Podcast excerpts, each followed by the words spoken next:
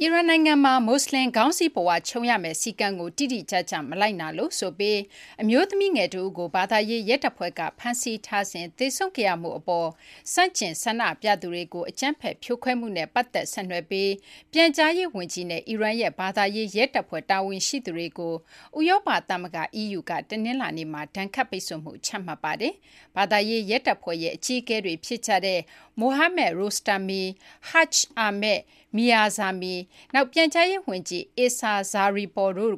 အပါအဝင် လူပုဂ္ဂိုလ် ၁၁ ဦးရဲ့ ပိုင်ဆိုင်မှုတွေကိုလည်း EU ကထိန်းချုပ်လိုက်ပါတယ်။ပြန်ကြားရေးဝန်ကြီး Issa Zaripol ကတော့ ဆန္ဒပြပွဲတွေ စတင်ခဲ့ပြီးနောက်ပိုင်းမှာ အင်တာနက် ဖြတ်တောက် ပိတ်ပင်မှုအတွက် တာဝန်ရှိတယ်လို့ စွပ်စွဲခံရပြီး ဒဏ်ခတ်ခံရတာ ဖြစ်ပါတယ်။သူတို့ကိုတော့ ဥရောပတွင်း ခရီးသွားလာမှုကိုလည်း တားမြစ်ပါတယ်။လူဇမ်းဘတ်မှာ တွေ့ဆုံဆွေးနွေးကြတဲ့ EU နိုင်ငံခြားရေးဝန်ကြီးတွေက